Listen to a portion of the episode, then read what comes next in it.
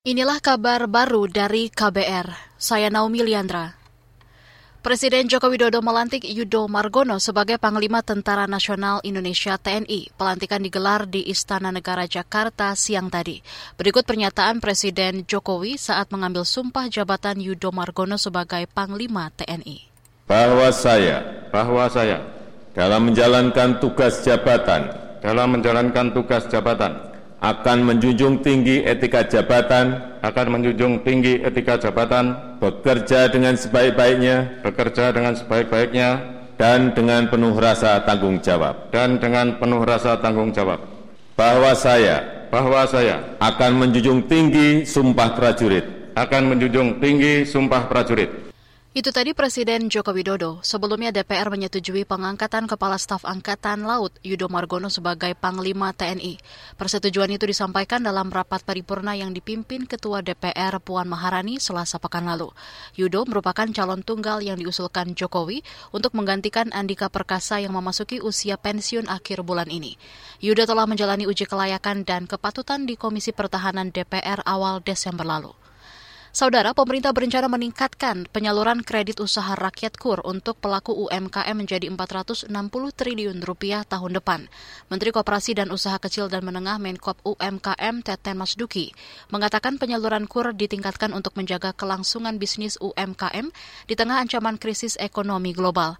Ini disampaikan Teten saat penyerahan KUR klaster di Istana Negara Jakarta hari ini. Total KUR sudah tersalur sekitar 1.300 triliun ini menjadi penopang penyedia lapangan eh, kegiatan ekonomi UMKM yang menyediakan lapangan kerja yang saat ini 97 persen disediakan oleh sektor mikro dan kecil. Tahun depan KUR akan ditingkatkan menjadi 460 triliun dari tahun ini yang capai 373 triliun.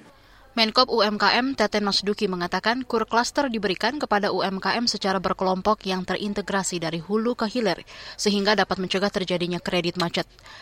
Saudara, dua orang tewas dan lima terluka dalam kecelakaan kereta cepat Jakarta-Bandung minggu sore kemarin. Korban tewas merupakan warga negara Cina. Juru bicara Mabes Polri, Dedi Prasetyo mengatakan tim laboratorium forensik Platform dan Inafis Polri tengah melakukan olah tempat kejadian perkara TKP.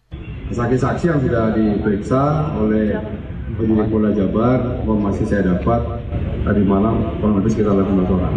Ini masih berproses kan, karena mencari penyebab kecelakaan itu kan ahlinya nanti, baik dari KNKT apa pun dari pihak PT KAI.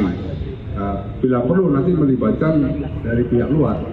Itu tadi juri bicara Mabes Polri Dedi Prasetyo. Saudara, kecelakaan melibatkan lokomotif kereta cepat dan kereta teknis di Kampung Campaka, Desa Campaka, Mekar, Kabupaten Bandung Barat. Dikutip dari antara, lokomotif kereta cepat melaju kencang dari wilayah Kicau, Bojong Koneng. Setibanya di Kampung Campaka, kereta tersebut lepas dari ujung rel yang sedang dipasang, sehingga terjadi tabrakan dengan kereta teknis. Demikian kabar baru KBR, saya Naomi Liandra.